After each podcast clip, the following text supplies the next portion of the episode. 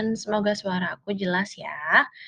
Oke, jadi terima kasih hari ini sudah datang teman-teman, dan mungkin yang baru hadir boleh langsung ke kolom komentar dulu ya, untuk isi kolom perkenalan, supaya nanti selama kita sesi, itu lebih dekat karena kita udah saling kenal. Oke, buat teman-teman mungkin ada yang baru pertama kali ikut di Tabula Talks hari ini, aku senang sekali bisa menyapa teman-teman di hari Jumat ini. Di akhir September, kita masih akan membahas mengenai topik yang sangat menarik. Oke, buat teman-teman yang baru bergabung, perkenalkan aku Indah. Hari ini aku akan melaku eee, menemani kalian sebagai host dari Tabula Talks di malam ini, dengan membahas topik tentang, eee, languishing. Nah, buat teman-teman, boleh diisi dulu ya beberapa pertanyaan yang ada di kolom komentar terkait tentang nama, asal, dan juga kalian pernah dengar nggak sih, apa sih itu languishing? Dan kalau pernah dengar, mungkin menurut kalian apa sih itu? Oke, buat teman-teman thank you banget yang udah jawab, karena ternyata kita senasib bukan senasib, ternyata kita serupa gitu, kayak belum familiar, belum terlalu, mmm, familiar gitu ternyata, banyak yang baru dengar juga ternyata apa itu languishing, ternyata aku ada temennya dan hari ini aku berharap, eee, teman-teman yang hadir di sini itu bisa sama-sama belajar ya sama aku juga di eee, dengan narasumber kita hari ini. Oke, narasumber kita hari ini yang akan sharing tentang languishing menghadapi rasa hampa dalam diri, itu adalah Kak Cherubin Gabriela, SPSI. Mmm, Kak eee, Kak Ki adalah seorang konselor Tabula dan praktisi kesehatan mental. Nah, hari ini kita akan ditemenin sama seorang konselor dan praktisi kesehatan mental teman-teman, untuk sama-sama membahas tentang languishing atau perasaan hampa. Nah, kurang lebih nanti sesi diskusinya akan berlangsung 60 menit dan mungkin kalau misalnya teman-teman masih punya pertanyaan setelah sesi kita selesai, 30 menit setelahnya teman-teman masih bisa menggunakan kolom komentar dan pertanyaan-pertanyaan dari teman-teman akan dijawab sama. Oke. Wis, masih ada yang typing typing typing ya teman-teman, kita kenalan. Oke, jadi sambil nunggu teman-teman untuk menulis perkenalan, aku mau menyapa dulu Kak K. Halo, selamat malam Kak K. Halo, selamat malam Indah, selamat malam teman-teman semuanya. Selamat banget malam, nih Kak. Ini iya, senang banget teman-teman juga banyak yang penasaran ya, ternyata languishing nih apa sih, gitu ya. Iya, Kak K gimana kabarnya malam ini, Kak? Baik, hari ini baik kabarnya. Indah gimana kabarnya? Amin, syukur baik, Kak. Aku excited sekali di malam di malam hari ini ya, Kak, sudah ada penghujung-penghujung mau mengakhiri sesi volunteer volunteer di Oh. sini. Oalah, oke oke. Jadi Jadi harus memberikan yang terbaik, Kak. Jadi ini Indah yang terakhir nih hari ini? Iya. Kita have fun untuk sesi Harus ya. ya, Kak. Harus ya, Kak. Oke. harus banget. Jadi nih, Kak, Oke. dari yang kita lihat nih, dari teman-teman yang udah mhm. mengisi pertanyaan, yang tadi aku udah, eee, lontarin di awal banget sebelum nanti kita masuk ke sesi diskusi atau sesi sharing-nya juga, aku nanya, "Pernah denger languishing nggak sih?" Gitu, dan teman-teman di sini itu bener-bener mayoritas itu banyak yang Mhm belum mhm. tahu, gitu. Tapi Mhm ada juga mhm. beberapa yang kayak, "Oh iya, oh ada perasaan hilang ya," gitu, dan kurang semangat ya, gitu. Ada juga yang belum sama sekali belum paham nih, apa itu languishing. Oke, nanti kita, eee, sharing biar sama-sama mengerti gitu ya, Kak, sebenarnya apa sih languishing, karena buat aku sendiri juga ini masih belum familiar gitu di ya. aku. Jadi aku Mhm juga mhm. kayak, "Wow, aku pengen tahu juga nih gimana." Oke, aku sambil baca-bacain juga nih Indah, eee, teman-teman yang udah, eee, kirim-kirim jawabannya gitu. Ada berapa yang Boleh, bener? Kak. Aku sambil bacain berapa boleh ya? Iya, boleh, Kak. Oke, ada dari Etelbreda. Dari Etelbreda baru pertama kali dengar juga, tapi search di Google, katanya itu adalah berkaitan dengan kesulitan untuk merasakan hal positif. Benar, benar, benar. Ada juga nih dari Aninda. Dari Aninda, kekosongan dalam diri dan hilangnya rasa semangat. Gitu. Ada juga dari Keklik Ridwan, dari Sidoarjo nih. Sebenarnya baru pertama kali dengar sih, tapi kayaknya merasa stuck di satu titik sehingga tidak mengalami apa-apa, hampa. Oke. Um, ada juga teman-teman yang lagi merasakannya nih katanya. Oke, nggak apa-apa nanti aku bagi-bagi tips and trick ya buat Kak Yustika. Oke, ada juga nih pada uh, tapi kebanyakan banyak yang memang belum belum pernah denger ya dengan language ini ya gitu. Nggak apa-apa, bahas bener, bareng-bareng. Kita tuh kayak yang, "Oke, ini apa ya? Baru banget nih tahu, baru ada bahasa begini," gitu. Iya iya iya. Oke oke, kita bahas hari ini. Tapi tadi teman-teman yang udah pada komen, yang udah pada searching-searching di Google, bener kok. Kurang lebih benar-benar. Nanti kita bahas lebih dalam lagi ya. Mhm, bener banget, teman-teman keren bahkan sampai nyari ke Google dulu gitu loh, Kak, kayak, "Oke, hari ini. Tabula Talk tuh membahas tentang languishing, apa ya itu?" Gitu. Langsung cus Google, kita ke Mbah Google dulu nih, kita tanya dulu dia kan, "Apaan Iya. itu?" Gitu. Iya, Keren banget sih teman-teman, Iya. beneran, Kak. Mhm, dengan proaktifnya teman-teman nyari dulu nih language-nya apa sih gitu ya. Oke, Kak, Oke. mungkin boleh langsung kita mulai dari pengertian dulu deh, Kak. Kebetulan di sini kan pertanyaanku tuh tentang kayak menurut kalian apa gitu, mengarah ke pengertian dan teman-teman ternyata menjawab mayoritas tuh belum, belum terlalu paham dan belum terlalu, eee, mengerti apa itu gitu. Jadi kita mulai dari situ dulu. Boleh, Kak, silakan. Oke, you Indah. Jadi teman-teman, bener banget nih, tadi udah ada beberapa yang uh, menyebutkan ya, kehilangan rasa positif, rasa kosong, rasa hampa gitu. Itu bener banget teman-teman, jadi languishing ini sebenarnya itu adalah suatu perasaan ya, rasa hampa, rasa kosong, rasanya itu kayak stuck gitu. Rasanya kayak kosong aja gitu bangun pagi mungkin keadaannya bukan yang kayak oke okay, hari ini bangun excited mau melakukan sesuatu mau melakukan uh, aktivitas hari-hari kita tapi malah lebih yang kayak kosong rasanya dalam rasanya tuh di dada kosong gitu kayak kayak gimana ya hampa gitu. Terus juga rasanya kayak no excitement kayak rasanya nggak punya tujuan nggak punya hal yang memang dicari yang kayaknya ini bakal bikin kita excited gitu atau juga bisa juga um, languishing ini bentuknya tuh lebih kayak kadang-kadang rasanya tuh di kepala kita tuh kayak terlalu banyak pikiran, terlalu banyak hal yang membuat kita tuh kayak rasa rasa cemas, rasa stress, frustrated gitu ya. Sampai-sampai rasanya tuh di kepala kita foggy gitu. Foggy tuh kayak apa ya? Kayak berawan gitu. Kayak penuh banget, tapi penuh tapi juga kayak awan, kayak kosong gitu loh. Awan kan kalau dipegang kapas kapas atau awan kalau dipegang kan kempes gitu ya guys. Kayak bukan nggak ada wujudnya gitu lah. Nah kurang lebih sama juga kayak gitu gitu. Rasanya di sekolah tuh kayak penuh tapi kosong tapi kayak berkabut gitu. Nah tapi perlu di note juga teman-teman languishing ini tuh sebenarnya bukan suatu diagnosis ya.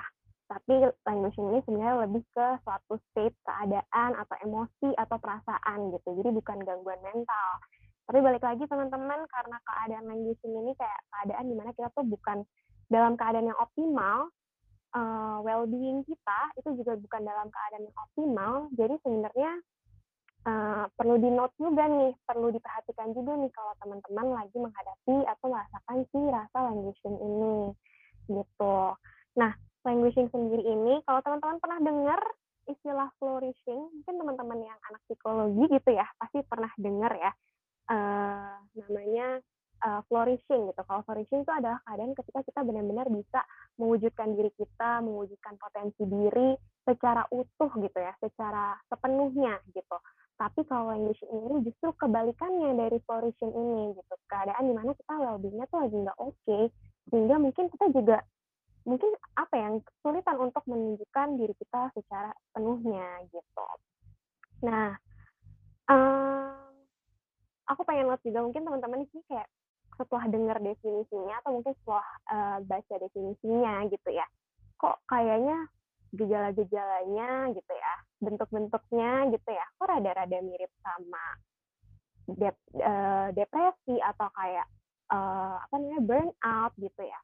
Tapi perlu di-note juga sebenarnya languishing ini beda teman-teman sama yang namanya, eee, depresi atau burnout gitu. Karena, mmm, kalau depresi kan memang suatu gangguan mental gitu ya, gangguan mood di mana memang sudah perlu perlu diagnosis juga, didiagnosis oleh seorang psikolog atau psikiater juga gitu, baru benar-benar bisa ditegakkan sebagai suatu diagnosis. Dan kalau depresi kan mungkin lebih yang keadaan benar-benar kayak no hope nih, nggak ada hope sama sekali, kayak benar-benar ber berkutat di dalam rasa bersalah, rasa sedih gitu. Walaupun tetap sama-sama ada rasa aimless dan joyless-nya gitu ya, nggak ada rasa excitement-nya gitu. Atau mungkin kok uh, languishing ini rada-rada mirip kayak burnout ya. Tapi ternyata tapi sebenarnya uh, languishing ini beda juga teman-teman sama burnout. Kalau burnout tuh mungkin lebih keadaan di mana teman-teman tuh ngerasa lelah, ngerasa yang kayak udah capek banget, hilang energi, jenuh, demotivasi sama hal-hal yang dilakukan sehari-hari. Dan biasanya rupanya adalah pekerjaan gitu ya kalau burnout. Nah, kalau burnout itu juga biasanya lebih yang kayak dari waktu ke waktu makin lama makin lama makin naik burnout-nya, makin besar burnout-nya gitu. Sedangkan kalau languishing ini konstan, dia lebih kayak mungkin uh, for a period of time gitu ya, rasanya kosong, rasanya hampa gitu. Mungkin teman-teman di sini ada yang pernah ngerasa kayak kosong, ngerasa hampa gitu ya. Boleh banget teman-teman sambil sharing gitu. Aku sambil mau uh, menanggapi juga nih, tadi aku sempat baca kan ya uh, dari Kak Yusika, uh, katanya dua tahun ini sepertinya sedang merasakannya gitu. Mungkin boleh Kak kalau misalnya berkenan untuk sharing kenapa nih Kakak kira-kira merasa kok kayaknya gue lagi languishing ya dua tahun ini gitu.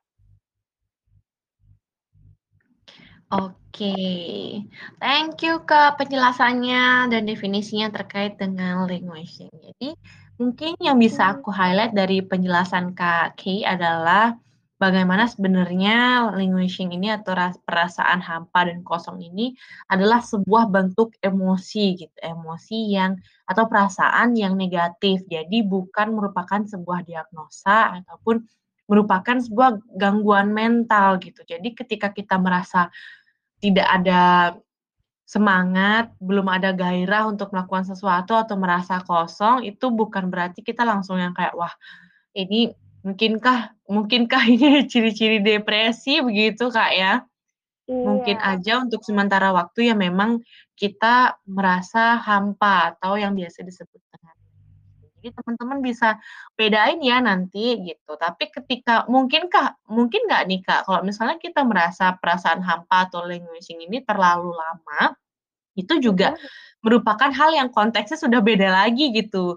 Karena kan Nah, kayak yang tadi aku tangkep, eee, perasaan hampa ini muncul ketika ya memang ya mungkin kurun waktunya itu juga tidak terlalu lama, itu karena mungkin ada beberapa faktor kayak mungkin pekerjaan atau mungkin, eee eee, cinta atau mungkin di mhm. kampus gitu, kita ada mhm. merasa tidak bersemangat gitu. Tapi dikala itu sudah terlalu lama kita rasakan, apakah itu mungkin saja harus kita cross check dan recheck lagi tubuh kita, Kak, apakah mungkin itu languishing yang terlalu lama atau bahkan bisa memang mengacu pada sebuah gangguan mental gitu?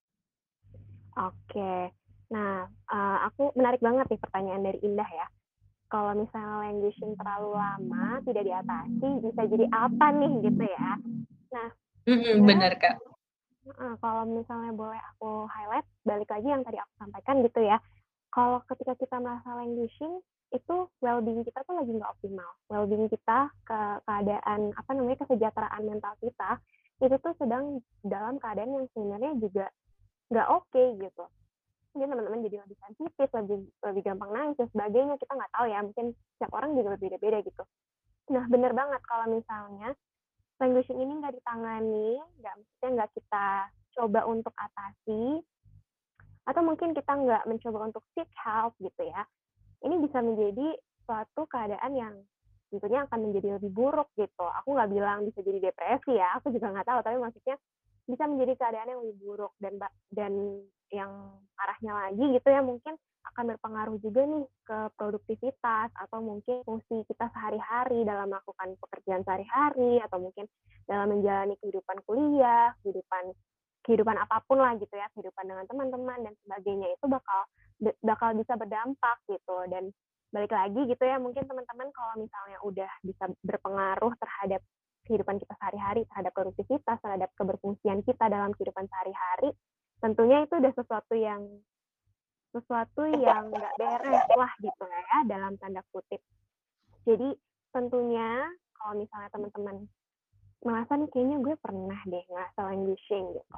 Nah penting banget buat aware dan perlu juga untuk uh, apa namanya mencoba untuk mengatasinya. Mungkin kalau misalnya pertama-tama mau mengatasi sendiri atau mungkin kalau merasa kayaknya udah nggak bisa diatasi sendiri, seeking help itu tentunya bakal ngebantu banget gitu supaya balik lagi uh, languishing ini nggak kita jalani terlalu lama, kita, nggak berputar-putar dan nggak stuck di languishing ini terlalu lama, tapi kita benar-benar bisa move forward dan justru bisa flourish gitu, bisa menunjukkan potensi diri kita sepenuhnya. Gitu. Oke, jadi memang mungkin aja uh, bisa menyebabkan keadaan lebih buruk meskipun itu memang bukan berarti langsung ke mengarah ke gangguan jiwa ya, Kak. Tapi memang hmm. kalau, uh, perasaan hampa itu tidak diatasi gitu, emosinya tidak diatasi, mungkin saja bisa berdampak kepada, uh, kehidupan kita sehari-hari dan juga bisa berdampak memberikan efek yang lebih buruk kepada kesejahteraan atau well-being. Oke, okay, thank you, Kak. Jadi di sini juga yang baru-baru, uh, bergabung juga, yang baru-baru mengisi kolom perkenalan itu juga ada yang beberapa yang bilang kayak, uh, pernah meras apa, sering merasakan gitu, pernah ngerasain gitu. Jadi mungkin ya memang, uh, memang kitanya orang yang sangat, uh, apa ya, bisa berubah-ubah gitu perasaannya ya, Kak, apalagi banyak faktor, uh, internal dan eksternal gitu, dari dalam diri dan luar diri yang mungkin aja bisa membuat kita merasakan perasaan seperti ini.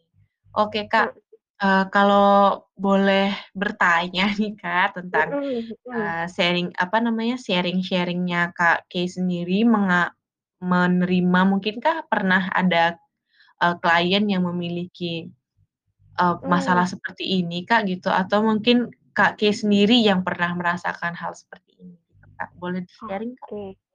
Oke oke oke, noted. Nah, uh, mungkin aku pengen highlight dulu sebelum aku jawab pertanyaannya Indah ya. Uh, benar banget tadi, uh, apa namanya, dari Indah, kalau misalnya, uh, apa namanya, kalau misalnya, uh, tidak ditangani gitu ya, misalnya ntar bakal jadi berpengaruh terhadap produktivitas sehari-hari. Dan tentunya aku pengen highlight juga, tentunya, uh, languishing ini tuh adalah suatu keadaan yang bisa terjadi sama siapa aja gitu. Jadi bukan berarti kayak, "Kok gue kayaknya lemah ya, kok gue bisa ngalamin languishing ya?" Enggak guys, enggak enggak. Mengalami languishing dalam apa ya, dalam salah satu fase kehidupan kita itu sebenarnya adalah satu satu keadaan yang wajar terjadi sama kita gitu. Mungkin aku ngerasa bahwa kayaknya pasti teman-teman pernah lah e, ngerasain rasa kosong atau ngerasa ngerasa hampa gitu pasti ada saat-saat di mana teman-teman ngerasain hal serupa gitu. Dan uh, tentunya benar banget tadi kata Indah juga uh, kalau misalnya ada perubahan atau misalnya ada ada hal-hal yang terjadi dalam kehidupan kita sehari-hari kan nggak semua hal dalam kehidupan sehari-hari kita tuh bisa kita kontrol ya perubahan-perubahan dalam kehidupan kita tuh nggak semuanya bisa kita kontrol gitu dan wajar banget kalau misalnya perubahan-perubahan atau hal yang kita hadapi sehari-hari ini justru yang membuat kita jadi masalah languishing gitu. Nah uh, tadi pertanyaannya Indah ya uh, pernah nggak mengalami languishing ini gitu? Pernah banget guys, pernah aku pribadi pun pernah ngalamin, pernah juga um, apa namanya uh, pernah dapat klien kali dua kali itu yang uh, kurang lebih masalahnya adalah language ini gitu ya. Tapi mungkin aku pengen sharing dari pengalaman aku pribadi dulu gitu, karena ini pengalaman yang cukup dekat sebenarnya dan yang menginspirasi aku juga untuk memilih topik ini di Tabula malam ini gitu. Oh yes, uh, mungkin kalau teman-teman ada yang ngikutin Tabula Talk aku tiga bulan yang lalu, itu aku masih jadi mahasiswa skripsi, masih nunggu sidang gitu ya. Terus, eee, setelah itu memang aku selesai sidang, eee, sempet kayak kosong tuh 2 bulan, karena belum dapat kerja gitu. Biasalah fresh grad ya, menebar CV sana sini, terus abis itu juga, eee, mencari pekerjaan gitu. Biasalah ya eee, masa-masa fresh grad gitu. Nah, pada saat 2 bulan itu sebenarnya jujur banget aku sempet ngerasa kayak kosong, hampa, languish gitu ya. Kenapa? Karena kayak selama 2 bulan itu tuh Ka kayak bangun pagi tuh kayak nggak ada excitement, nggak ada kayak ada tujuan apa sih yang harus gue hadapi hari ini gitu. Kayak biasanya kan kalau bangun pagi ya mungkin ada teman-teman di sini yang kayak, "Oke hari ini bangun, ih pengen nggak sabar deh hari ini pengen ngelakuin ini, nggak sabar deh hari ini pengen ketemu teman-teman di kampus misalnya, atau pengen ketemu teman-teman di kantor gitu misalnya."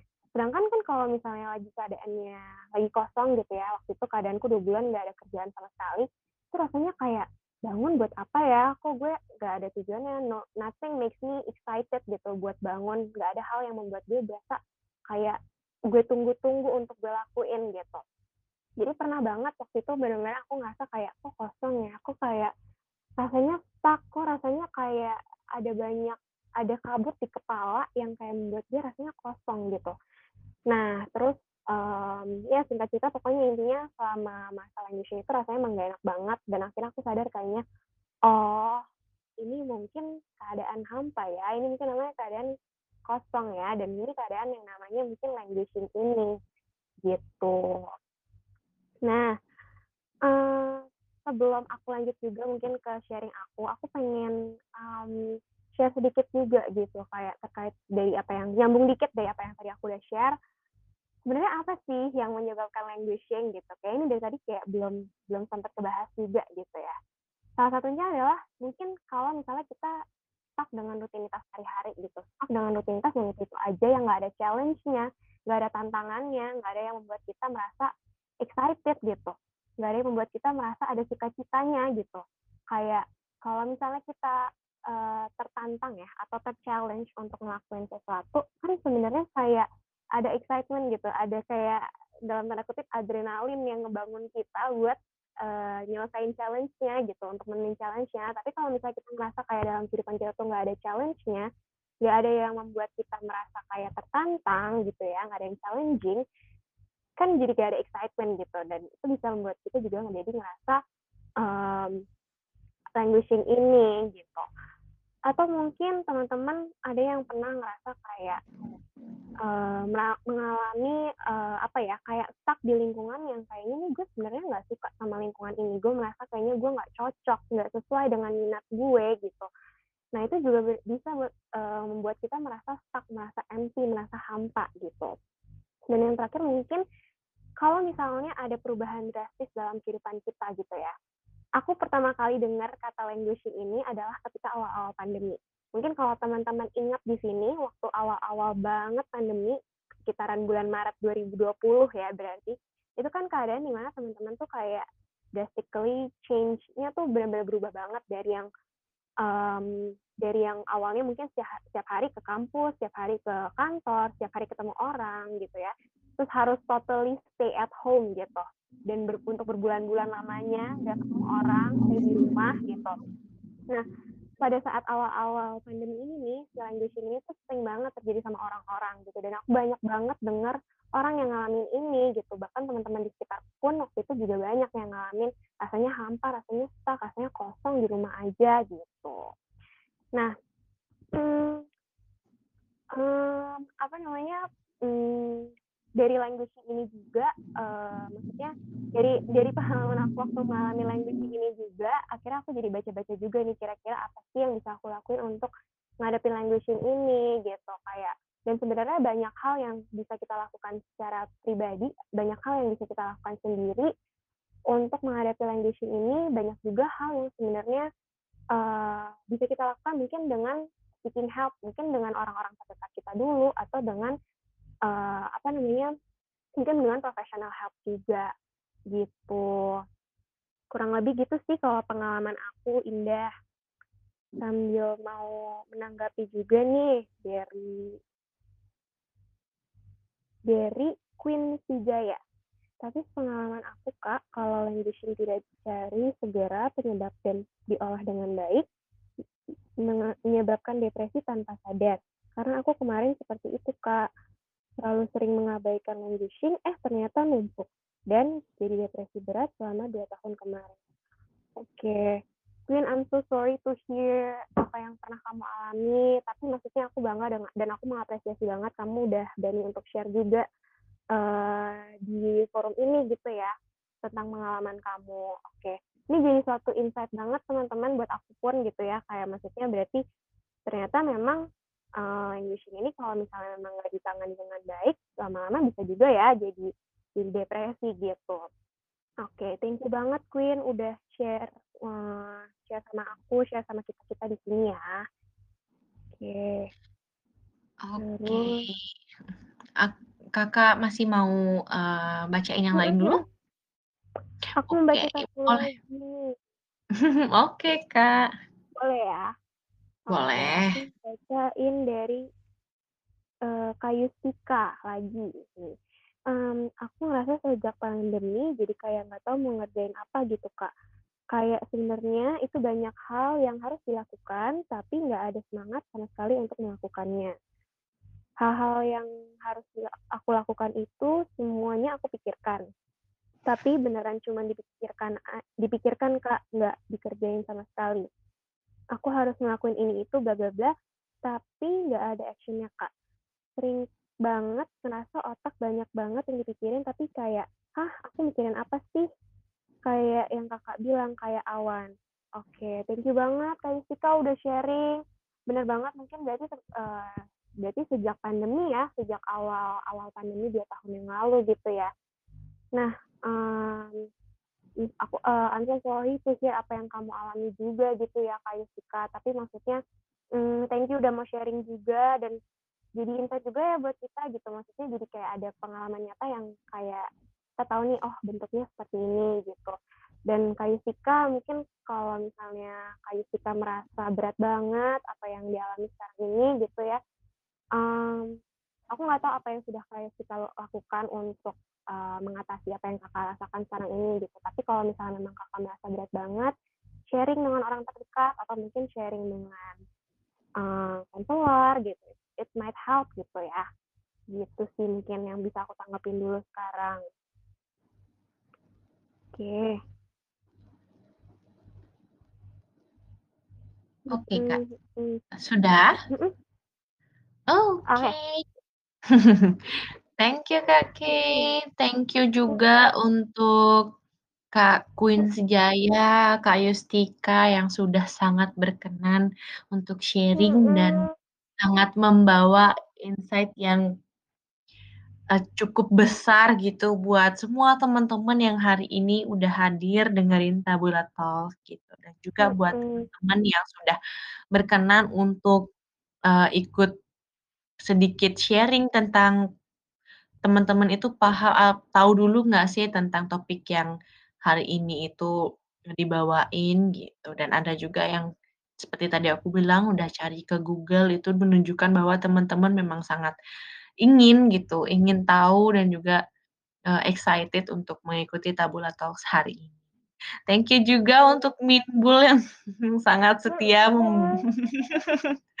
sangat Mhm, setia memberikan respon gitu untuk, eee, peserta Tabula Talks ya. Iya, Minbulnya nih pengertian banget loh. Ini Minbulnya mungkin boyfriend material banget ya, gitu. Aduh aduh. Oke deh, Kak, back to topic. Mhm. kita udah cukup banyak membahas tentang pengertian, kita udah, eee, udah cukup banyak juga dengerin sharing-sharing dari teman-teman yang hadir gitu, dan kita membaha eee, kita menyepakati bahwa memang, languishing ini adalah sebuah, eee, emosi negatif gitu yang kalau misalnya ditumpuk atau tidak segera diatasi, mungkin saja bisa memberikan efek yang lebih buruk ke tubuh kita. Nah, karena ini adalah sesuatu hal yang kurang baik apabila tidak bisa kita atasi, jadi mungkin untuk pembahasan selanjutnya kita lebih banyak membahas tentang tips and trick gitu, Kak, dan bahkan mungkin nanti teman-teman yang sudah pernah mengatasi gitu, ternyata secara nggak sadar dari penjelasan Kak Ki, ternyata, oh ternyata waktu itu aku pernah merasakan, eee, languishing dan ternyata hal yang disampaikan Kak Ki, aku sudah pernah rasain. Itu teman-teman boleh banget sharing karena akan menambah insight dan juga pengalaman yang relate gitu, eee, buat teman-teman yang hadir sekarang gitu. Oke, mungkin Kak Ki boleh banget untuk sharing tips dan trik, eee, lebih banyak sampai akhir sampai akhir sesi ya, Kak. Oke oke Ya oke. jadi jadi kita akan lebih, eee, lebih banyak membahas tentang gimana sih cara ngatasinnya, sesuai topiknya kan, Kak. Jadi kita harus Mhm. lebih banyak mengetahui tentang, oh gimana sih cara ngatasinnya gitu. Oke, silakan Kak. Mhm. Oke, thank you, Indah. Nah, tapi sebelum aku ke tips and triknya, aku pengen highlight juga nih, tadi aku sempat baca dari Minbo.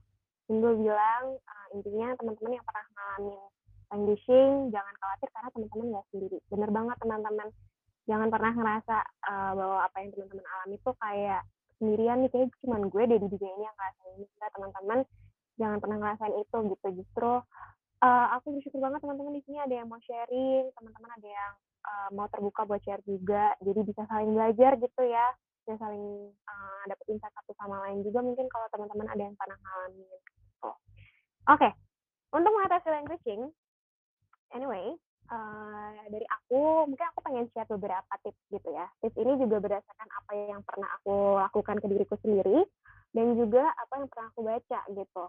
Nah, eee, mungkin yang pertama, ini adalah hal yang paling utama banget teman-teman perlu untuk lakukan gitu ya, kalau teman-teman merasa kayaknya dia lagi languishing nih gitu. Yang pertama banget penting, paling penting banget untuk dilakukan itu adalah untuk melakukan self compassion gitu, atau berbelas asih ke diri kita sendiri. Self compassion-nya tuh gimana sih gitu, simply dengan misalnya teman-teman sadar dulu nih, kayaknya gue dalam keadaan yang nggak oke deh, kayaknya gue dalam keadaan yang kayaknya well-being gue ini lagi nggak nggak optimal gitu, kayaknya gue lagi nggak lagi kenapa-napa, I'm not okay and it's okay to not be okay gitu kan. Jadi sadari dulu, dengarkan dulu apa yang teman-teman rasakan, dengarkan dulu perasaan, emosi teman-teman sendiri gitu ya. Apa yang menjadi, eee, apa yang teman-teman rasakan saat itu gitu, akuin aja kayak, "Oh iya, gue lagi nggak oke," gitu. Nah, setelah itu baru nih kita pikirin kira-kira apa sih yang membuat gue ngerasa kayak gini, apa sih yang membuat gue ngerasa kosong, hampa, languish gitu ya. Apa nih gitu, coba kita pikirin sama-sama kira-kira apa nih sumbernya, akarnya gitu ya. Mungkin kalau dalam konteks, eee, aku gitu ya, aku karena ada perubahan drastis gitu ya, perubahan di mana dulu kan kalau kuliah setiap hari ada yang dikerjain, kalau ada magang juga setiap hari dikerjain, ada ada ada hal yang dikerjain sehingga kalau bangun pagi tuh kayak bangun mau ngerjain sesuatu gitu. Sedangkan waktu aku 2 bulan gabut kayak kosong gitu. Jadi kayak yang menyebabkan aku languish pada saat itu adalah perubahan drastis gitu, perubahan kayak tiba-tiba nggak ada yang aku lakuin gitu. Oke, misalnya kayak gitu. Atau mungkin tadi seperti, eee, ada Kak Jessica yang sharing gitu ya, sejak pandemi, sejak awal pandemi, berarti mungkin jangan-jangan jangan-jangan penyebabnya adalah karena perubahan dari pandemi itu gitu ya, gitu. Atau mungkin ada penyebab lainnya gitu. Jadi perlu ba penting banget kita yang kedua adalah untuk maha memahami juga kira-kira apa sih yang menyebabkan kita merasa seperti itu gitu. Nah, kalau udah udah, eee, kira-kira udah sada udah, eee, merasa apa ya, sudah bisa mengakui juga apa yang dirasakan, apa penyebabnya juga gitu. Eee, teman-teman boleh banget untuk ngekspresin apa yang teman-teman rasakan, apa yang ingin teman-teman keluarkan gitu. Kalau aku pribadi, eee, jujur kalau aku lagi ngerasa kosong, lagi ngerasa hampa, entah kenapa aku pengennya nangis gitu. Jadi kadang-kadang aku ekspresinya dengan ya udah aku nangis gitu. Atau kalau misalnya aku lagi ngerasa hampa banget, aku bingung mau apa, kebetulan aku suka nari juga, ya udah aku ekspresi dengan nari. Atau mungkin ada teman-teman di sini yang cara mengekspresikan perasaannya itu adalah dengan cerita, dengan teman-temannya, dengan keluarga, dengan orang terdekat gitu. Boleh juga itu dia, eee, teman-teman ekspresiin, eee, keluarkan apa yang teman-teman rasakan, apa yang pengen teman-teman ceritakan itu ke, eee, orang terdekat gitu. Nah, eee, baru setelah itu kita baru bisa mungkin cari solusi nih, kira-kira apa yang bisa kita lakukan untuk mengatasi si languishing ini, gitu. Nah, setelah mungkin kita udah sadar dengan apa yang kita lakuin, udah, eee, oke juga, udah ngerti lah kira-kira nih gue lagi kenapa sih gitu. Ada banyak hal sebenarnya, hal-hal kecil gitu ya dalam kehidupan sehari-hari kita yang bisa kita lakuin gitu. Salah satunya, yang pertama tuh adalah dengan mengapresiasi hal-hal kecil gitu yang kita eee, kita achieve atau kita lakukan sehari-hari gitu. Dengan dengan bersyukur, apa ya, dengan being grateful atau mengapresiasi hal-hal kecil yang boleh kita lakukan sehari-hari, yang sudah boleh kita lakukan, itu sebenarnya bisa ngebantu kita juga sedikit demi sedikit untuk keluar dari rasa languishing ini, dari rasa hampa. Kenapa? Karena kan kalau kita lagi ngerasa hampa, kita ngerasanya kosong ya. Kayak yang kita rasain kayaknya ya udah lewat-lewat aja. Padahal tanpa kita sadari, mungkin hal yang membuat kita merasa kosong, ketika kita lagi ngerasa kosong, ketika kita lagi ngerasa kayaknya semua tuh lewat-lewat gitu aja gitu ya. Ada banyak good things, small things, hal-hal kecil yang lewat dalam kehidupan sehari-hari kita tuh yang sebenarnya patut kita apresiasi, patut kita hargai, patut kita sadari lah keadaannya dan bisa membuat kita jadi membangkitkan rasa excitement kita juga gitu. Misalnya nih, um, kalau aku, kalau lagi misalnya aku lagi kayak merasa kosong, hampa gitu ya. Terus misalnya aku jalan, jalan deh misalnya di naik naik kereta gitu ya di kendaraan umum terus kayak kok kayaknya ya udah lewat aja di kereta tiba-tiba gue udah sampai di tujuan gitu. Padahal sebenarnya tanpa gue sadari di, di kereta itu ada banyak orang yang lagi melakukan kebaikan. Ada banyak hal, hal orang yang kayak misalnya nih simply uh, apa namanya kayak ada orang yang ngasih tempat duduk ke orang lain gitu misalnya. Itu kan bisa kita apresiasi ya, wah ternyata masih ada orang baik gitu. Dengan kita memaknai atau menghargai hal-hal kecil, sebenarnya kan bisa ngebantu kita untuk ngerasa bahwa hidup kita tuh jadi lebih bermakna gitu. Kayak hal-hal kecil yang lewat dalam kehidupan sehari-hari kita tuh pasti masih ada maknanya gitu. Jadi satu itu mengapresiasi hal-hal kecil yang terjadi di sekitar kita atau yang kita lakukan sehari-hari gitu. Contoh apa ya? Kalau hal kecil yang kita achieve sehari-hari gitu. Hmm, mungkin ini contohnya ya. Misalnya aku, um, misalnya waktu aku lagi ngalamin languishing dua bulan yang lalu gitu ya di sini ada mami aku juga BTW, jadi mungkin mami sambil ketawa-ketawa ya dengar. Kalau misalnya dulu lagi dua bulan itu aku mencoba untuk mengapresiasi. Kalau misalnya aku ngerasa language, aku bangun tuh rasanya kosong, hampa gitu ya. Aku mencoba mengapresiasi diri dengan misalnya kalau aku hari itu aku bisa nemenin mami aku pergi ke ke mana gitu, misalnya ke pasar gitu. Aku bisa nganterin mami aku ke pasar, nemenin mami aku ke mana gitu aku mengapresiasi diri oke okay, hari ini ada sesuatu hal yang gue lakukan itu hal kecil tapi itu udah menunjukkan bahwa lo udah produktif hari ini gitu hal kecil yang membuat ke aku merasa kayak wah ternyata uh, walaupun hari ini ya udah uh, masih masih lanjutin tapi ternyata ada hal baik ada hal produktif yang udah gue lakukan gitu jadi itu satu melakukan uh, mengapresiasi hal-hal kecil yang terjadi di sekitar kita dan juga yang kita capai um, yang kita capai sehari-hari gitu ya. Nah, bisa dilanjutin juga nih teman-teman. Kalau teman-teman suka nulis, suka bikin jurnal gitu ya, bisa banget uh, sambil uh, dibuat gratitude journal gitu. Um, dulu aku pernah ketemu sama satu klien gitu ya. Uh, dia keadaannya memang cukup languishing gitu ya. Boleh bilang dia mengalami languishing gitu. Dan aku challenge dia, aku bilang, coba kamu uh, tulis di tulislah gitu, nggak usah di buku di HP aja boleh misal kamu mau ngechat ke diri kamu sendiri kan kadang ada ya teman-teman bikin chat dengan diri sendiri gitu nah di chat itu kamu tulis hal apa aja yang bisa kamu syukuri hari ini sekecil apa pun pasti ada yang bisa kamu syukuri gitu.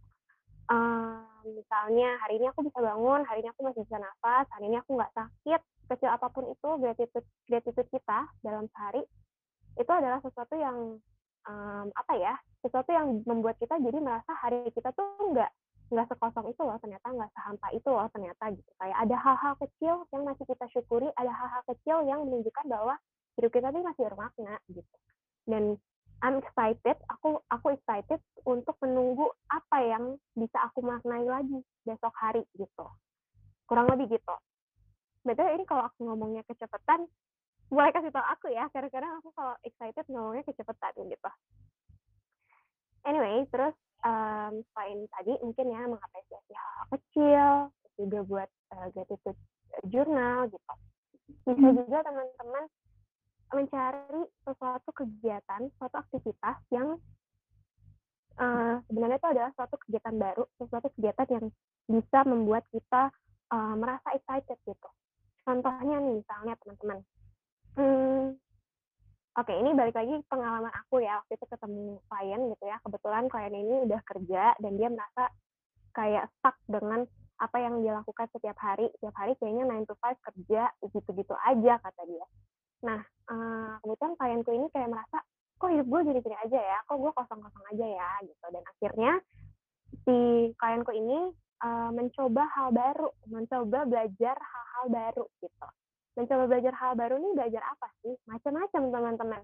Belajar hal baru yang bisa bikin kita excited gitu. Misalnya contohnya teman-teman pengen banget nih belajar main gitar, sebelumnya belum pernah bisa main gitar. Oke, coba belajar main gitar, entah mungkin ikut les gitar atau mungkin belajar gitar dari YouTube gitu. Tapi uh, misalnya konsisten ngelakuinnya gitu kayak misalnya pulang kerja abis 9 to 5 berarti malamnya mau, latihan gitar, mau les gitar gitu misalnya. Kan les gitarnya ini dalam tanda kutip les gitarnya ini adalah sesuatu yang teman-teman tunggu-tunggu gitu kayak oke, okay, aku harus menjalani hariku 9 to 5 tapi abis 9 to 5 selesai, gue menunggu sesi latihan gitar gitu.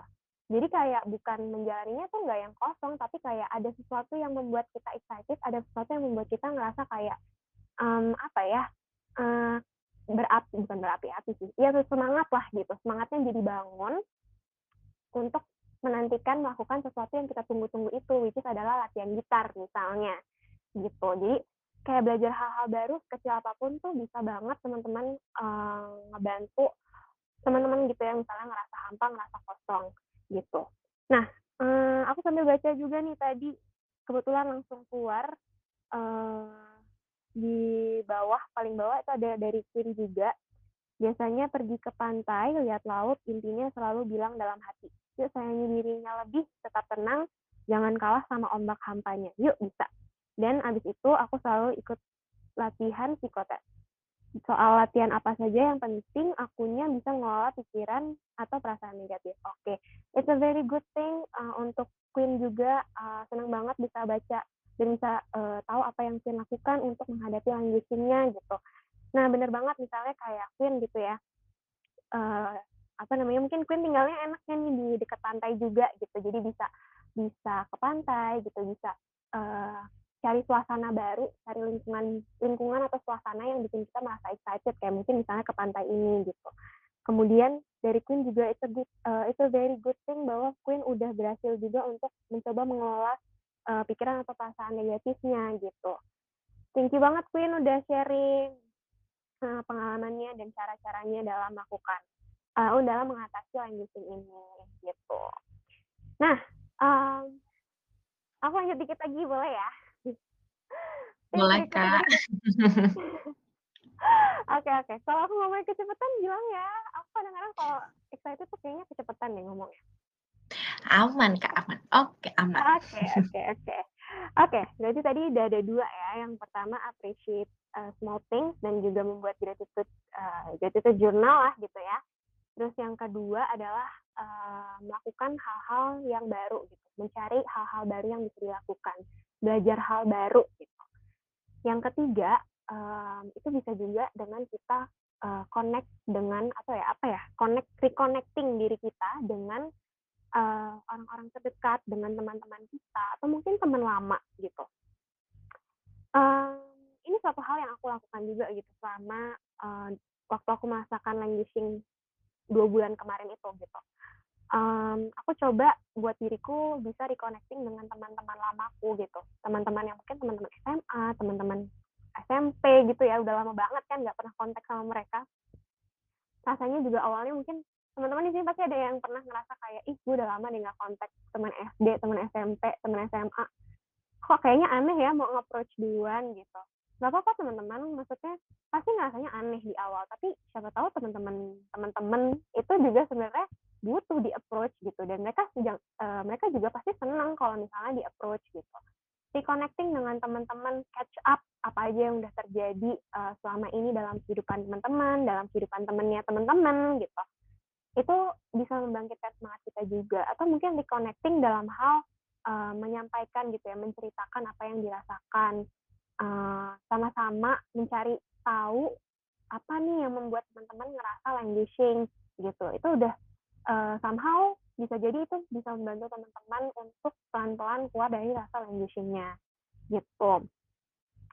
Nah, oh ya BTW senang banget nih ada teman-teman yang sambil uh, apa namanya sharing juga cara-cara yang uh, apa namanya dilakukan untuk mengatasi languishing-nya gitu. Boleh banget teman-teman sambil aku sharing juga sambil teman-teman nih uh, sharing juga gitu. Siapa tahu uh, sharing-sharing teman-teman cara-cara yang teman-teman lakukan untuk mengatasi languishing-nya ini lebih apa ya? lebih lebih uh, pas gitu, lebih ngena ke teman-teman gitu. Karena kan tentunya cara yang pernah aku lakukan belum tentu cocok untuk uh, teman-teman atau mungkin ada yang lebih cocok yang uh, ngelakuin apa yang lain gitu.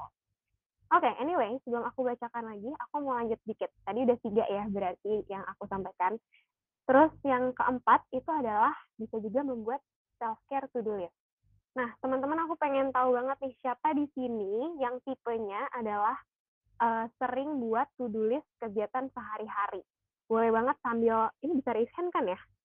Sambil raise hand dong siapa di sini yang kayak kalau sehari-hari gitu ya bikin to-do list gitu. Hari ini gue harus ngelakuin ini, ini, ini, ini. Terus seneng banget gitu kalau misalnya ke checklist to-do listnya itu gitu. Ada nggak nih? Boleh ya teman-teman nanti tinggal uh, lihat di kolom partisipan gitu. Oke, Kak Queen Raise hand, Kak. Oke, yang lain? Apakah ada yang membuat to-do list gitu? Jadi mungkin ada ada itu ya, Kak, ada rasa, uh, satisfying gitu kalau misalnya ada, ih keklik keklik klik klik, oh lagi sisa ini nih, gitu. Betul betul. Oh, ini ada Kak Aninda juga nih, tuh. Nah, oke aku lanjut dikit ya sambil nunggu teman-teman. Oh, ada ada Kak Kim Tata juga. Oke. Nah, bener banget teman-teman kayak kata Indah juga tadi, misalnya kita bikin to-do list, terus habis itu to-do listnya di checklist-checklist, itu tuh udah bikin kita excited gitu. Bikin kita mungkin ngerasa kayaknya hari ini gue nggak sekosong itu ya, kok gue nggak segabut ke kosong itu gitu. Tapi di sisi lain, ini sesuatu yang menarik juga sih menurut aku, karena selain membuat to-do list akan hal-hal yang harus kita lakukan sehari-hari, kita juga bisa loh bikin to-do list, tapi isinya adalah self-care jadi misalnya dalam satu minggu kan working days itu ada lima hari ya. Senin, Selasa, Rabu, Kamis, Jumat gitu. Nah, selain membuat to-do list dari Senin sampai Jumat kalian harus bikin apa aja, bisa dibalik dengan bikin to-do list Senin sampai Jumat nih self-care yang mau gue lakuin untuk gue tuh apa gitu. Misalnya hari Senin, self-care-nya aku pengen nonton film uh, film A gitu misalnya di Netflix. Hari Selasa to do listku adalah untuk self care habis kerja aku pengen makan sama teman-teman. Aku pengen dinner sama teman-teman. Terus misalnya hari Rabu self care list uh, to do list aku adalah untuk uh, misalnya aku pengen nge-gym gitu pengen olahraga terus hari Kamis misalnya self care-nya adalah pengen jalan-jalan ke mall terus hari Jumatnya misalnya self care-nya adalah jalan sama pacar gitu misalnya jadi dalam seminggu itu lima hari ada lima to-do list yang teman-teman harus lakukan gitu. Lima to-do listnya itu adalah to-do list self care gitu. Dan uh, kalau bisa sih dipenuhi ya dalam lima hari itu jadi di checklist gitu. Seminggu nih lima lima self care ini udah gue lakuin. Kenapa self care yang self care to-do list ini bisa ngebantu kita keluar dari rasa languishing? Karena seperti uh, karena tentunya kalau untuk ngelakuin self care atau ngelakuin um, apa namanya ngelakuin hal-hal yang exciting gitu ya kan ada ada sesuatu yang kita tunggu-tunggu gitu ya jadinya kayak oke okay, gue harus kerja nih seminggu full lima hari tapi abis pulang kerja ada sesuatu yang mau gue lakukan untuk self care ke diri gue sendiri ada sesuatu exciting yang bikin gue bisa happy gitu setelah kerja nah dengan kita bikin self care to do itu uh, satu kita kayak menanti nanti lah dalam tanda kutip untuk ngelakuin si self care ini. Yang kedua uh, karena di lift gitu ya, kan kita jadi ngerasa kayak apa ya, jadi pengen nih memenuhi si self care self care to do list ini gitu. Gitu. Jadi mungkin yang keempat ya berarti tadi adalah self membuat self care to do list gitu. Terus yang kelima um, salah satu self care yang eh salah satu hal yang bisa dilakukan juga untuk mengatasi rasa languishing kita, itu adalah dengan melakukan hal hal-hal kebaikan gitu. Mmm, mungkin teman-teman di sini ada yang suka melakukan charity gitu ya, suka ngelakuin, eee, apa sih, kayak misalnya pergi ke panti asuhan atau misalnya melakukan hal-hal kebaikan deh, kecil apa pun gitu, nggak perlu yang sampai, eee, ngelakuin charity activity, voluntary gitu, tapi misalnya kebaikan sehari-hari, simply misalnya, eee, ngebantu orang nyebrang gitu misalnya, atau ngebantu ini sering banget sih aku temuin sehari-hari gitu ya, misalnya naik kereta terus ada orang yang udah agak tua bawaannya banyak, terus teman-teman ngebantuin bawa bawain bawaannya gitu misalnya. Itu kan udah hal kecil yang kita lakukan, hal kebaikan kecil yang kita lakukan gitu. Atau mungkin kalau teman-teman ngerasa, eee, kurang nih gitu ya, walaupun, eee, yang kecil itu sebenarnya udah suatu kebaikan banget ini, tapi misalnya teman-teman ngerasa butuh melakukan lebih gitu. Misalnya teman-teman ikut volunteer, volunteer activity, terus misalnya, mmm, ikut, mmm, apa namanya, melakukan charity, ikut visit ke mungkin panti werda, panti asuhan gitu ya. Melakukan hal-hal good deed sekecil apa pun itu bisa membantu kita merasa kayak, "Oh iya ya, gue ternyata hidup gue ini masih bermakna, hidup gue ini bisa bermakna buat orang lain," gitu. Jadi tidak sekosong itu, tidak sehampa itu gitu, gue masih bisa bermakna, bisa memaknai hidup gue, gitu. Jadi ya itu gitu, maksudnya melakukan hal-hal kebaikan sekecil apa pun, atau mungkin melakukan charity activity gitu ya, itu juga bisa ngebantu kita untuk keluar dari rasa languishing, gitu. Dan mungkin yang terakhir gitu ya, berarti ada berapa sih tadi, udah 5 ya? Oke, yang terakhir itu berarti ada yang ke-6 ya, yang ke-6 itu adalah membuat goal, tapi goals-nya jangan terlalu, eee, panjang atau terlalu jauh gitu. Mungkin teman-teman kadang-kadang, eee, ngerasa languish juga karena misalnya teman-teman ngerasa kayaknya gue punya goals yang mau gue lakuin nih, gue harus bisa mencapai ini, eee, tujuan gue ini, tapi kok kayaknya jauh banget buat sampai, eee, ke tujuan itu gitu. Nah, dari tujuan yang besar itu bisa banget teman-teman kita pecah jadi tujuan-tujuan kecil gitu. Contohnya gini nih, misalnya, mmm, tujuan besarnya adalah misalnya aku pengen S2 psikologi, eee, psikolog gitu, dalam 1 tahun. Tapi kok lama banget ya untuk mencapai ke S2 psikolog itu gitu. Nah, untuk mencapai ke sana aku pecah lagi goal-ku jadi kecil-kecil. Eee, misalnya aku punya waktu 1 tahun. Nah, dari 1 tahun itu aku pecah lagi dari 12 bulan, goal-goal kecil. Misalnya di bulan pertama dari 1 tahun itu aku harus, eee, bisa nge-review materi-materi psikologi supaya aku bisa, eee, bisa tesnya nanti kalau misalnya aku mau S2 gitu. Terus di bulan kedua misalnya aku pengen ikut workshop apa gitu. Jadi misalnya, eee, tujuan besar itu dipecah jadi tujuan kecil-kecil. Kenapa? Karena ketika kita punya tujuan yang kecil-kecil, tujuan yang kecil-kecil itu, eee, ngebantu kita ngerasa kayak ada sense of fulfillment, ada sense of achievement yang kita kita capai gitu. Beda ya, mungkin kalau misalnya goal jangka panjang kayaknya lama banget sampai situ. Sampai mungkin ada masa-masa di mana untuk mencapai goal itu tuh kayak, "Yaelah gue udah keburu kosong duluan, gue udah keburu" apa ya, udah keburu, eee, hampa duluan, kok nggak nyampe-nyampe sih goal besar ini gitu. Tapi kalau kita pecah goal besar itu ke goal kecil-kecil, ada rasa fulfillment, ada rasa sense of achievement yang kita rasakan sehingga kita juga jadi nggak ngerasa kosong, kita ngerasa bermakna nih gitu. Gitu sih mungkin kurang lebih 6 tips yang bisa aku bagikan gitu. Maaf ya kalau ngomongnya cepet. Cepet banget gitu. Aku mau sambil baca-bacain boleh ya? Oke, Kak. Jadi, mmm, Mhm. tadi gimana Kakek, mau Kakek langsung yang baca? Ah, aku sambil lagi baca-baca sih Indah, kalau mau nyampein sesuatu dulu boleh boleh. Oke, Kak, thank you banget penjelasannya 6, eee, 6 s eee, cara gitu untuk kita tuh bisa mengatasi atau mungkin ada mengurangi dari perasaan, eee, languishing tadi. Oke, jadi di sini udah ada beberapa pertanyaan nih, Kakek, terkait dengan, eee, diskusi hari ini. Itu, eee, aku bacain dulu, ini ada juga beberapa pertanyaan yang anonim. Oke, untuk pertanyaan Oke. pertama, aku izin membacakan tap Eee, "Hai Kak, aku mau bertanya, setelah aku putus cinta, aku merasa hidup aku bener-bener hampa banget. Bahkan hal tersebut membuat aku merasa bingung ke depannya aku mau ngapain, kayak nggak ada tujuan dan nggak ada semangat karena kehilangan support system.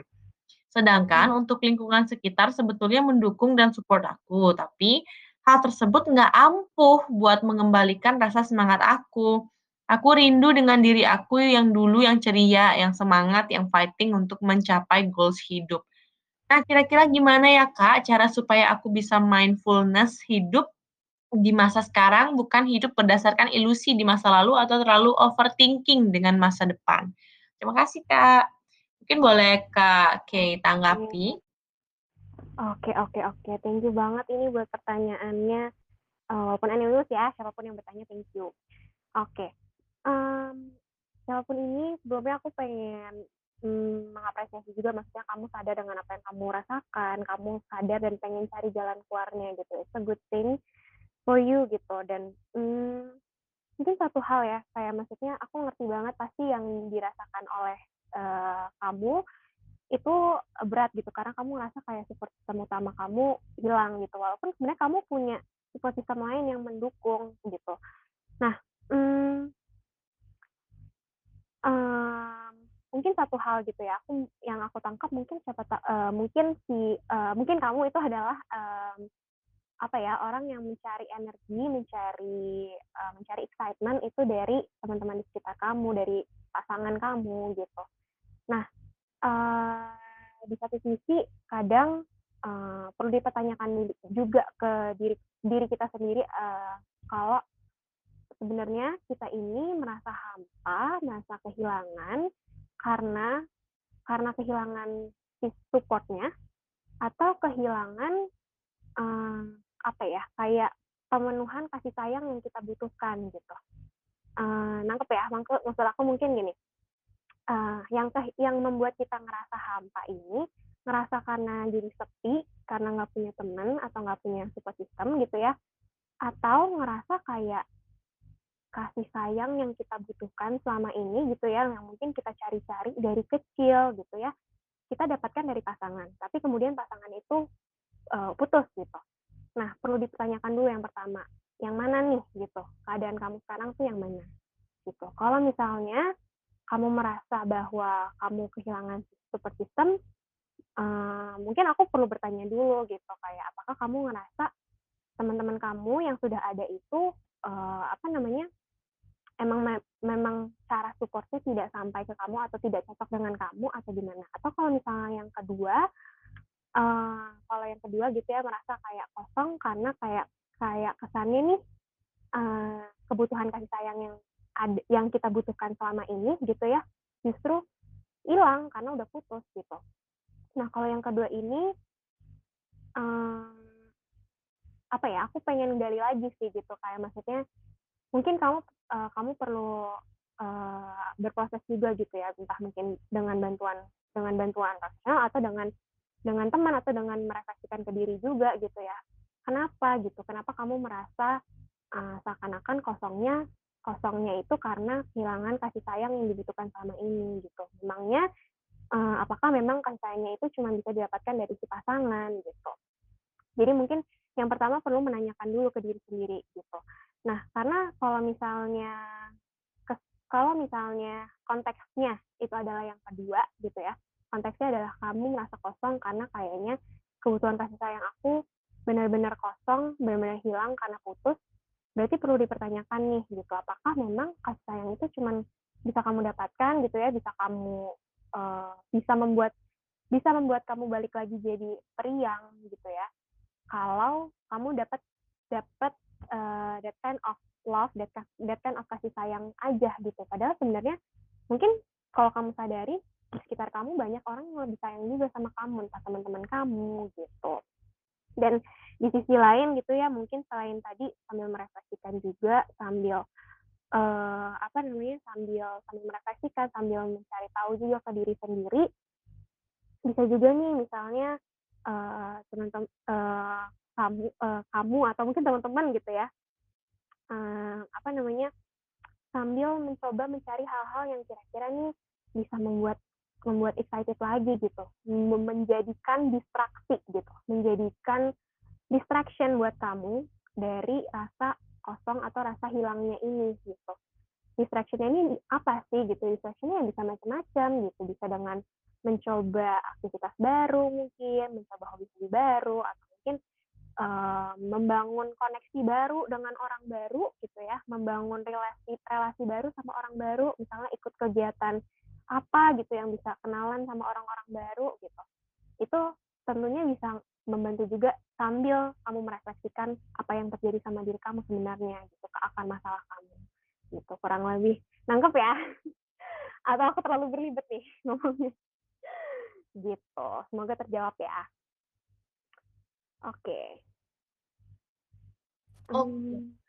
ya mungkin yang mungkin nimbul bisa dibantu untuk, penanya itu sudah cukup menjawab atau mungkin ada pendapat yang mau disampaikan juga. Oke, sambil menunggu Kak, aku izin melanjutkan membaca, ada pertanyaan Boleh. lagi, ada eee, 2 lagi ya sebelum Oke nanti kita, eee, akhiri sesi Kak. Oke yang selanjutnya ini, eee, ada pertany ada titipan pertanyaan anonimus juga, ketika yang sudah sampai ganggu aktivitas sehari-hari dan juga produktivitas, sebenarnya apa sih Kak yang bisa dilakuin? Karena itu kan tingkatannya udah lebih tinggi ya dari linguising biasa, gitu. Gimana kalau menurut Kak Kay? Kalau menurut aku, kalau misalnya languishing ini udah sampai ganggu aktivitas sehari-hari, produktivita produktivitas sehari-hari gitu ya. Tapi di sisi lain misalnya kita udah coba berbagai cara sendiri gitu ya, tapi nggak berhasil.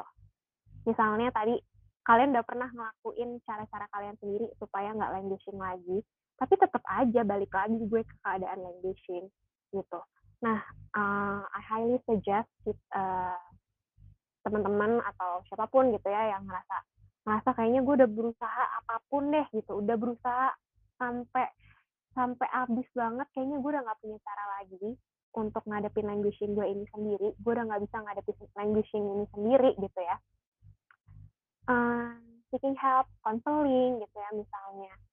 Simply kayak misalnya, eee, cerita sama temen gitu ya, mungkin temen yang memang bisa mengerti atau temen yang bisa paham, atau mungkin counseling gitu ya, counseling dengan konselor atau dengan psikolog gitu. Harapannya itu bisa ngebantu gitu, karena siapa tahu misalnya teman-teman udah ber berusaha untuk mencoba berbagai cara, eee, dengan dengan berbagai cara deh gitu ya, tapi kok tetep balik lagi gue tetep hampa sampai bener-bener gue udah nggak produktif lagi dalam kehidupan sehari-hari gitu.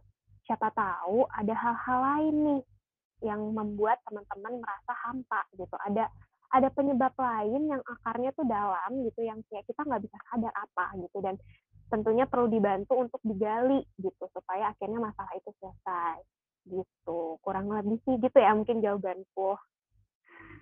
Indah. Kak, thank you untuk, eee, tanggapannya Kak, dan aku mau bacain 1 pertanyaan lagi sebelum nanti boleh. sesinya kita tutup ya Kak. Oke, Mhm. pertanyaan terakhir ini, "Halo Mhm. Minpul, mau nanya tapi anonim aja ya. Tadi katanya lawan dari languishing adalah flourishing ya Kak. Gimana cara Mhm. untuk mencapai, eee, flourishing itu Kak? Terima kasih." Oke. Kalau mencapai flourishing itu tentunya, eee, ini balik lagi dulu materi aku waktu kuliah sih. Oke, jadi kalau flourishing ini kan, eee, mungkin aku balik sedikit, flourishing itu adalah keadaan kita benar-benar bisa menunjukkan potensi diri kita sepenuhnya. Eee, apa namanya eee, benar-benar bisa, eee, apa ya, menunjukkan potensi diri gitu ya, bisa benar-benar bermanfaat buat diri kita sendiri, bisa bermanfaat buat orang lain juga. Nah, mungkin kalau aku boleh jawab, gimana ya caranya bisa mencapai flourishing ini gitu ya. Kalau dari apa yang pernah aku pelajarin, dulu ada istilahnya namanya PERMA. Ini melekat banget di pikiran aku karena selama 4 tahun aku kuliah, aku berkutat dengan si PERMA ini gitu. Tapi in short and simple aja, PERMA ini tuh adalah sebenarnya singkatan. Yang pertama, PERMA itu singkatan dari positive emotion, P-nya, terus habis itu engagement, terus R-nya itu adalah positive relationship, M-nya adalah meaning, dan juga A-nya itu achievement, gitu. Mungkin kayak kesannya nih, mmm, apa ya, mmm, singkatan yang kayaknya, eee, easy to remember gitu ya, tapi sebenarnya banyak hal yang ada di dalamnya gitu. Yang pertama tuh adalah si positive emotion ini gitu. Positive emotion ini balik lagi adalah kita melakukan hal-hal yang uh, apa ya bisa membangkitkan positive emotion kita gitu. Melakukan hal-hal yang sekiranya uh, bisa membangkitkan positive emotion gitu, membangkitkan rasa sukacita, rasa joyful gitu, atau mungkin uh, melakukan aktivitas-aktivitas dengan orang lain atau dengan diri sendiri gitu ya yang memang outputnya itu adalah positive emotion gitu. Terus yang kedua adalah engagement. Nah engagement ini kayak namanya aja gitu ya engage. Jadi kayak berusaha untuk engage dengan apa yang kita lakukan. Um, dulu aku pernah belajar juga gitu kalau kalau kita bisa kalau kita mau engage dengan apa yang kita lakukan itu tuh uh, perlu ada di keadaan di mana kita um, kayak menghadapi challenge challenge yang porsinya ini tidak terlalu sulit tapi juga tidak terlalu mudah gitu. Kenapa kalau terlalu sulit? Ya kita bakal ngerasa udah kayak ah elah gue nggak bisa gitu. Tapi kalau misalnya terlalu mudah juga uh, apa namanya kayak ngerasa ah nggak ada challenge ini mah gampang gitu. Sedangkan kalau porsi challenge ini kayak kita ngerasa tepat nih sama kita gitu. Porsi challenge-nya tepat dengan kemampuan kita dengan apa yang bisa kita lakukan, kita jadi kayak engage, jadi tertarik, jadi kayak excited untuk ngelakuinnya gitu dan carilah hal-hal yang membuat kita merasa engage ini gitu supaya apa supaya balik lagi bisa menghasilkan positive emotion itu juga gitu terus habis itu berikutnya yang tadi adalah uh, yang ketiga adalah R positive relationship atau uh, ya positive relationship gitu. Seperti namanya positive relationship jadi kita ngebangun positive relationship sama orang lain dan itu bentuknya bisa macam-macam ya uh, positive relationship. Mungkin dengan uh, bangun relationship koneksi sama teman-teman di sekitar gitu ya. Atau mungkin balik lagi kan tadi flourishing itu adalah kayak memunculkan potensi diri kita sepenuhnya. Nah, memunculkan potensi diri siapa tahu bisa jadi dengan menjadikan diri kita bermanfaat juga buat orang-orang di sekitar kita gitu. Misalnya teman-teman suka uh, ngajar gitu. Misalnya teman-teman suka sharing gitu.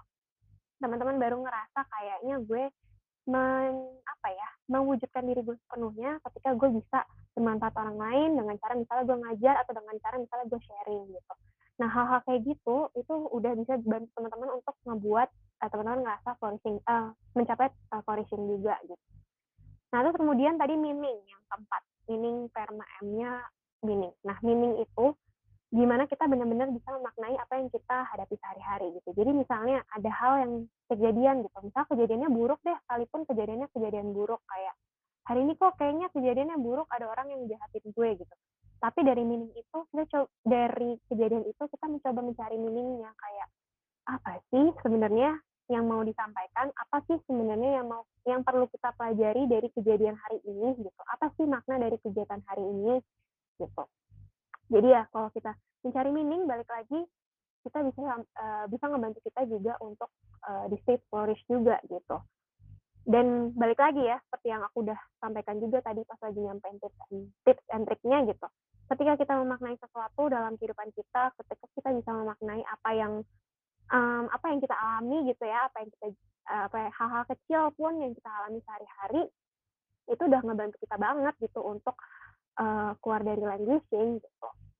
Terus yang terakhir itu adalah achievement. Achievement ini, uh, achievement ini bukan berarti achieve gitu, kayak udah achieve baru flourish. Enggak teman-teman. Untuk mencapai achievement ini uh, justru proses yang kita lalui untuk mencapai achievement ini itu adalah yang perlu kita maknai untuk misalnya gue gue bisa lulus sidang skripsi itu tuh prosesnya panjang loh prosesnya tuh benar-benar bimbingan berulang kali revisi berulang kali ditolak uh, ditolak berulang kali sama dosen tapi setelah kita melalui proses itu, yang kita maknai itu adalah prosesnya sebenarnya gitu. Oh ternyata dari proses ini, ternyata gue bisa loh, ternyata gue bisa loh ngelakuin riset sendiri, ternyata gue bisa loh uh, ngambil data, ngolah data sekian banyak sendiri gitu. Dengan kita memaknai prosesnya, kita bakal lebih bisa mengapresiasi juga apa yang kita achieve nantinya gitu. Jadi dengan perma tadi itulah gitu, dengan achievement, dengan prosesnya untuk mencapai achievement tadi, harapannya juga bisa membantu kita untuk flourish. Gitu sih kurang lebih jawaban aku. Nggak terlalu teoritis kan ya?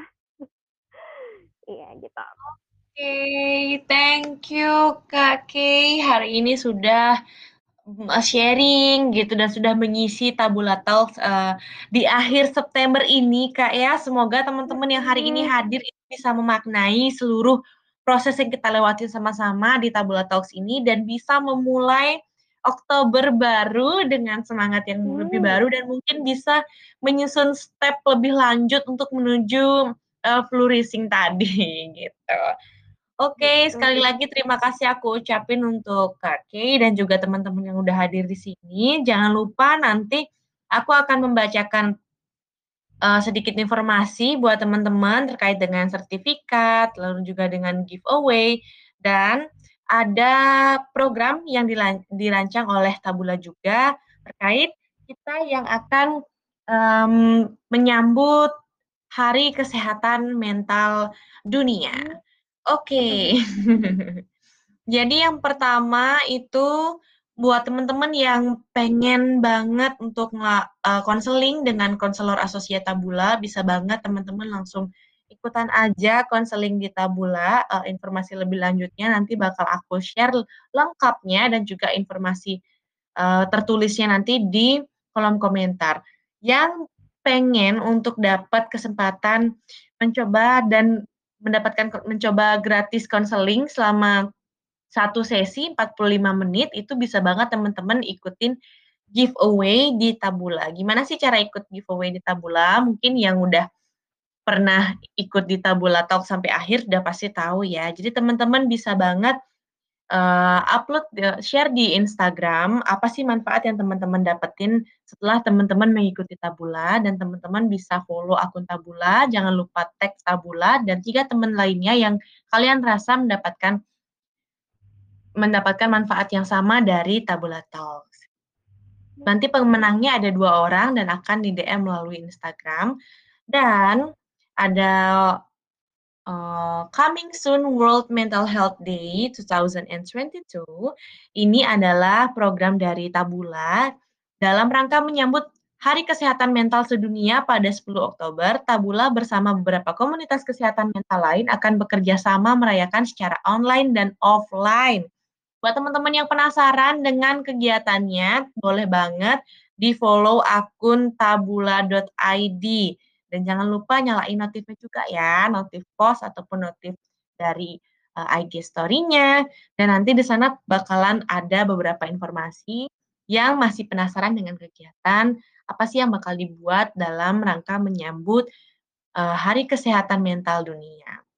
Oke, jangan lupa nanti yang mau uh, mau dapat sertifikat bisa tunggu lang tunggu mungkin 30 menit ke depan aku akan share semua informasinya secara tertulis di kolom komentar. Sekali lagi terima kasih teman-teman, selamat malam. Semoga insight hari ini bisa diterapkan ya teman-teman. Senang sekali bisa bertemu dengan teman-teman. Semoga di lain kesempatan kita bisa bertemu. Bye-bye. Bye-bye. Thank you banget semuanya. Thank you Indah. Thank you Kakek. Thank you semuanya. Bye. Bye.